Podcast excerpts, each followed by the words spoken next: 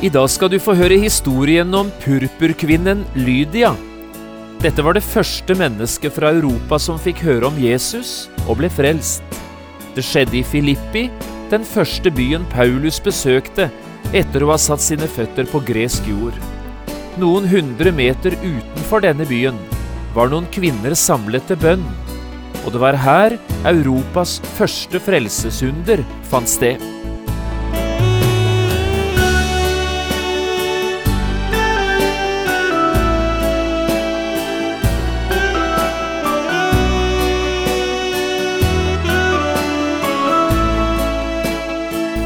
Hjertelig velkommen til et nytt program i serien Vindu mot livet. Programmet er produsert av Kristen Riksradio og blir ledet av Jon Hardang. Denne programserien er produsert med støtte fra Blom fiskeoppdrett.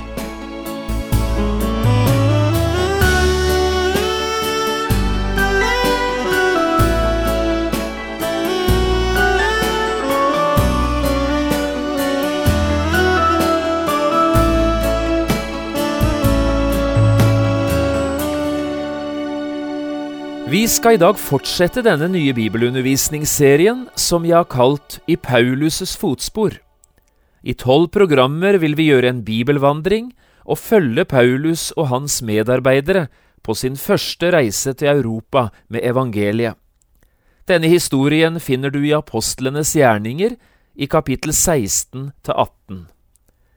Du kan også få kjøpt denne programserien på CD ved å henvende deg til P7 Kristen Riksradio. I dette andre programmet skal vi møte Lydia, den første navngitte personen i Europa som tok imot evangeliet og ble frelst. Historien om Lydia finner vi i apostlenes gjerninger i kapittel 16, og vi skal lese den i vers 11 til 15. Jeg har kalt dagens program Lydia. Vi seilte så ut fra Troas og styrte rett til Samotrake og dagen etter til Neapolis. Derfra dro vi til Filippi, som er den første byen i den delen av Makedonia og en romersk koloni. Der i byen ble vi da noen dager. På sabbatsdagen gikk vi utenfor byporten ned til en elv hvor de pleide å holde bønn. Vi satte oss der og talte til de kvinnene som var kommet sammen. En av dem var en kvinne ved navn Lydia, en purpurkremmerske fra Tyatira, som dyrket Gud etter jødenes tro. Hun hørte på, og Herren åpnet hennes hjerte, så hun ga akt på det som ble talt av Paulus.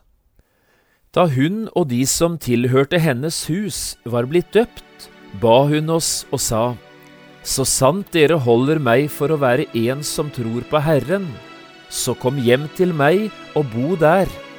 Og hun nødde oss.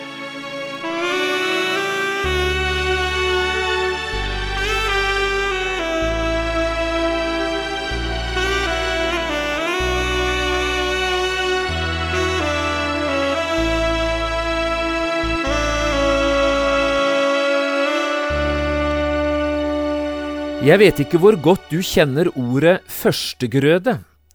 Dette er jo ikke akkurat et ord vi bruker sånn til vanlig i det norske språket, men det er et sentralt bibelsk ord. Nå skal du få høre litt om dette ordet. Ordet førstegrøde er hentet fra Israel, og det er et ord som oftest brukes i forbindelse med den jødiske innhøstningen.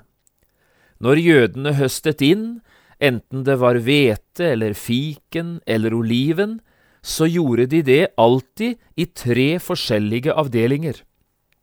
Det første de tok inn, var førstegrøden, en liten andel av høsten som alltid ble båret fram for Guds ansikt som et takkoffer. Førstegrøden var dermed også et varsel om at det snart ville komme mye mer. Snart skulle den store avlingen i hus. Og i tillegg til det var førstegrøden en kvalitetsprøve, altså et varsel om hvordan kvaliteten på hele resten av avlingen kom til å bli. Da andre jødene tok inn, var det de kalte hovedhøsten. Dette var den største og viktigste del av innhøstningen. Nå var alt disponibelt mannskap i sving, for nå skulle alt det høstes inn som tidligere var sådd. Og til slutt har vi det som ble kalt etterhøsten. Dette var den siste, en liten del av avlingen, som høstfolkene alltid lot stå igjen. Og dette gjorde de med tanke på de fattige, som ikke selv hadde noe jorde eller noen vingårder. Også for dem skulle det dermed være en mulighet til å få litt av markens grøde i hus. Dette er den konkrete betydningen av ordet førstegrøde, altså den første del av en avling som tas i hus. Men i Bibelen brukes også dette ordet på en annen måte, i en slags overført betydning. Nå fungerer det som en illustrasjon på noe som ikke har med jordbruk å gjøre, men med helt andre ting. På den ene siden brukes det i forbindelse med Bibelens lære om oppstandelsen fra de døde. Her kalles Kristi oppstandelse for førstegrøden av de hensovede. Og det betyr, da Jesus sto opp fra de døde, var han den første som sto opp men dermed også et varsel om at oppstandelsen fra de døde bare så vidt var i gang. Jesus var den første som sto opp, men etter han skulle det komme mange, mange flere. Og slik Jesus oppsto, slik skal også alle de troende en gang oppstå, nemlig når Jesus kommer igjen for å hente sin menighet. Da sankes hovedhøsten i hus. Og så til slutt, når trengselstidens troende en gang blir frelst, ja, så er det etterhøsten som blir samlet inn. Men på den andre siden brukes dette ordet førstegrøde også i en helt annen sammenheng, nemlig i forbindelse med vekkelse eller misjon. Når noen blir kristne på et nytt sted, altså på et område der ingen tidligere er blitt frelst, ja, så blir disse første nye kristne ofte kalt for førstegrøden på dette stedet. Jeg tenker på første Korinterbrev 16 og vers 15, der Paulus skriver disse ordene. Dere kjenner Stefanas hus, sier han, at de er førstegrøden i Akaya. Det betyr altså Stefanas' familie var den første familien som ble kristne i denne sørlige provinsen Akaya. Når jeg nevner akkurat dette her, så er det fordi den personen vi skal møte i dag, nettopp ble en slik førstegrøde. Vi skal møte forretningskvinnen, eller purpurkremmersken Lydia den første som ble frelst i byen Filippi. Og Lydia, hun blir førstegrøden ikke bare i Filippi, men faktisk i hele Europa. Lydia er den første i Europa som så langt vi kjenner til, tok imot Jesus og ble frelst. Bibelen er egentlig full av historier om gudfryktige kvinner som en dag møtte Gud og som fikk leve sitt liv til Guds ære. I Det gamle testamentet møter vi kvinner som Sara og Rebekka, eller Hanna, Ester og Abigail. Og i Det nye testamentet kan vi nevne navn som Martha og Maria fra Betania, Priskilla fra Korint eller Maria Magdalena. Og så altså hun som vi leser om i dag, Lydia, purpurkvinnen fra Filippi, den første i Europa som ble frelst. Og la oss nå spørre, hvem var hun egentlig, denne Lydia, hun som ble førstegrøden i Europa? Hva vet vi om henne? Ja, vi vet egentlig ikke mer enn det som står i det bibelavsnittet vi har foran oss i dag. Dette er første og eneste gang i hele Bibelen vi får høre om denne Lydia. Men det fortelles i alle fall litt. For det første står det at Lydia kom fra byen Tyatira i Lilleasia, altså fra en by i det som vi i dag kaller for Tyrkia. Dette var en by som var bygget opp av mennesker som nettopp kom fra Makedonia, altså fra dagens Hellas. Det området hvor byen Filippi lå i. Og når det her står om Lydia at hun kom fra Tyatira, så hadde hun altså på en måte flyttet tilbake til Filippi. Hun hadde flyttet tilbake til det stedet der hennes forfedre var kommet fra. For det andre leste vi at Lydia var en rik og nokså velstående kvinne. Grunnen til det var nok at hun drev på med nokså lukrativ næringsvirksomhet. Hun handlet med purpur, altså med purpurfargede tekstiler.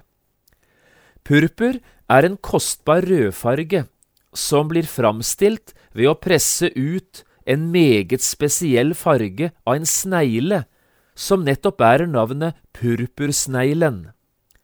Lydia hadde et stort hus og flere ansatte tjenere i dette huset.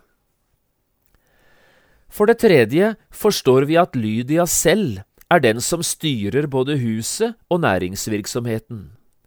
Det er Lydia som er sjefen, forretningskvinnen, eller purpurkremmersken, som hun kalles her i Bibelen og det er dermed også hun som tar ansvaret både for å invitere Paulus og hans medarbeidere til å bo hjemme hos henne, etter at hun selv hadde tatt imot Jesus og var blitt en kristen. Vi hører ingenting om mannen hennes, og en del har antatt at hun kanskje var enke, men ellers har hun hele familien omkring seg. Og så det fjerde. Lydia var ikke jøde av fødsel, hun var greker. Men hun var det vi kaller proselytt. Det betyr at hun hadde gått over til jødenes tro. Og denne dagen som vi leser om her i apostelgjerningene 16, da var Lydia nede på bønnestedet, nede ved en liten elv som rant forbi Filippi. Det var sabbat denne dagen, og Lydia var sammen med de andre som kom fra den jødiske kolonien på stedet, og var sammen med dem for å be. Disse tingene er stort sett alt det vi vet om Lydia. Men så vet vi altså én ting til. Denne dagen, da Lydia fikk møte Paulus og hans medarbeidere, den dagen skulle det viktigste kapitlet i hele hennes livshistorie bli skrevet. Med dette som bakgrunn har jeg nå lyst i siste delen av dette programmet å løfte fram to viktige spørsmål. Og begge disse spørsmålene kan historien om Lydia gi oss gode og rette svar på. Det første spørsmålet skal være dette. Hvordan går det til at et menneske, for eksempel som Lydia, virkelig blir frelst? Hvordan blir et menneske et Guds barn? Og det andre spørsmålet, det er dette, hvordan virker det så på et menneskes hverdag at et menneske får en personlig opplevelse av Guds frelse og blir en kristen? Jo, dette kan vi lære viktige ting om i møte med historien om purpurkvinnen Lydia. Nå skal du bare høre. Det første spørsmålet var altså dette. Hvordan går det til at et menneske virkelig blir frelst? Hvordan blir et menneske Guds barn? Jo, det kan Lydia lære oss ganske mye om. La oss lese om igjen litt av det som Lydia-historien kan fortelle oss. Paulus er altså kommet til Filippi sammen med sine medarbeidere, og så skjedde følgende. På sabbatsdagen gikk vi utenfor byporten, ned til en elv der vi pleide å holde bønn. Vi satte oss der og talte til kvinnene som var kommet sammen. Slik leste vi det i vers 13. Søndag den 30. september i 2007 gjorde jeg akkurat det samme som Paulus. Sammen med en turistgruppe fra Norge kjørte vi ut av det gamle Filippi, noen hundre meter nordover fra stedet der den gamle byporten hadde stått, Og så kommer vi til et vakkert område med grønne plener, løvrike trær og en liten ortodoks kirke som lå midt ute på det flate området. Det var flere dåpsseremonier i denne kirken dagen vi var der, og en masse mennesker både i og utenfor kirken. Men vi fra Norge gikk selvfølgelig bare rett forbi, og så kom vi ned til en liten elv. Vi ville gjerne ha kalt det for en bekk, og ved elven et nydelig anlagt sitteområde av stein som gikk helt ned til elven. Dette var helt tydelig en dåpsplass som fortsatt var i bruk. Dermed var vi på stedet der det skjedde som vi nettopp leste sammen, der møtet mellom Paulus og Lydia fant sted, møtet mellom apostelen og purpurkvinnen, stedet der evangeliet om Jesus for første gang møtte et åpent hjerte i Europa. Det var merkelig å være der. Og la oss nå lese videre i vers 14 om det som skjedde nettopp her. En av kvinnene bar navnet Lydia. Hun var en purpurkremmerske fra Tyatira som dyrket Gud etter jødenes tro. Slik leste vi det. Og hør nå hva som skjer. Hun hørte på, og Herren åpnet hennes hjerte så hun ga akt på det som ble talt av Paulus. Hun festet seg ved det som ble talt av Paulus, står det i en annen bibeloversettelse. Dette synes jeg er en strålende beskrivelse og en krystallklar framstilling av hvordan det går til at et menneske som ikke kjenner Jesus, virkelig kan bli frelst. Så jeg spør igjen, hvordan gikk det til at Lydia ble frelst? Jo, det hadde med to enkle, men viktige ting å gjøre. Det ene var noe som Lydia selv hadde ansvaret for. Hun hørte, leste vi. Hun lyttet altså til det budskapet som ble forkynt, evangeliet om Jesus. Og det hun hørte, budskapet om Jesus, det tok hun til seg. Alt dette var Lydias ansvar. Men så skjedde det noe som bare Gud kan ta ansvaret for. Herren åpnet hennes hjerte, leste vi, og det gjorde Gud ved sin hellige ånd. For å bruke andre ord, dette betyr konkret at Gud selv kastet lys over budskapet om Jesus på en sånn måte at Lydia forsto det. Hun fattet det på en måte første gangen hun hørte det at dette har med meg å gjøre. Her ligger løsningen, tenkte Lydia, på mitt største problem. Hvordan kan jeg, en synder, komme ut av det med en hellig Gud? Og svaret hun hørte, det var dette. Løsningen ligger i evangeliet om Jesus, både i budskapet om hvem han er, og hva han har gjort, til og med for en som meg, som Lydia. Hun fikk øye på han som døde, i Lydias sted, og dette forvandlet kvinnens liv. Jesus var død også for Lydia sine synder. Det var det hun fikk ta til seg. Jesus tok den straffen som Lydia skulle hatt, og dermed fikk Lydia selv se jeg er fri, takket være Jesus, Frelseren. Hvordan gikk det altså til at Lydia ble frelst. Svaret er dette, hun hørte seg frelst, og det var nok. Ingen kan gjøre seg frelst, men alle kan høre seg frelst, enten en heter Lydia eller noe helt annet.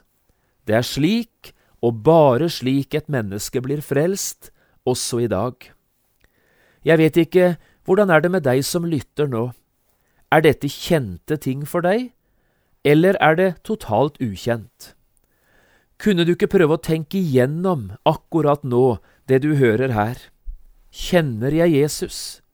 Har det gått opp for meg hva denne Jesus har gjort, også for meg?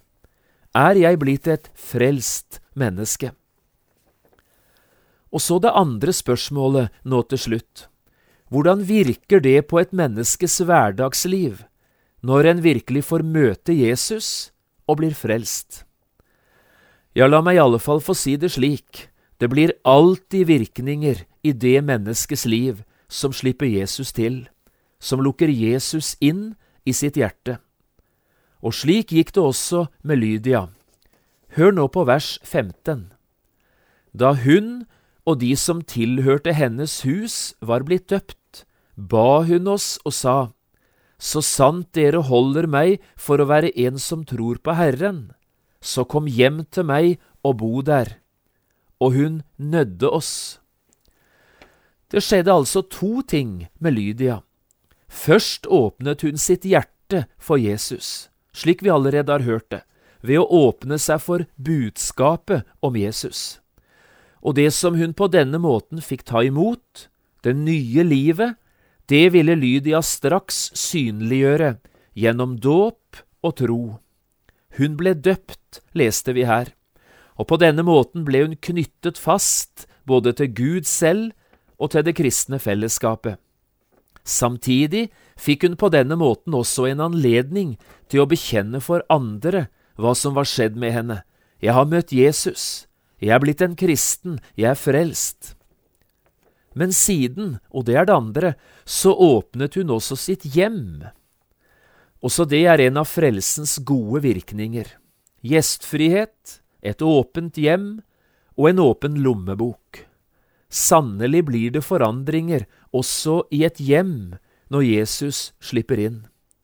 Dersom Lydia sier, Jeg er en rik kvinne, jeg sitter godt i det, jeg har et godt arbeid og jeg har et stort hus, med senger og soverom og mat nok til alle. Dere må bare komme hjem og bo hos meg. Slik tenkte Lydia, og slik snakket hun. Dermed åpner hun både sitt hjerte, men også sitt hjem, for Jesus og for alle Jesu venner. Jeg synes dette er en nydelig virkning som det er verdt å legge merke til. Der ordet om Jesus får rom, der skapes det gjestfrihet, og et åpent hjem. Lydia er et eksempel på forandringene som alltid finner sted i det menneskes liv som lukker Jesus inn. Og kanskje vi skulle slutte nettopp her i dag, og la dette spørsmålet nå bli hengende igjen. Kan det merkes i ditt hus, i ditt hjem, at du er blitt en kristen? Du har åpnet ditt hjerte for Jesus, ikke sant? Men har du også åpnet ditt hjem for Jesus og for hans venner? Ja, jeg spør en gang til. Kan det merkes i ditt og mitt liv at vi har møtt Jesus?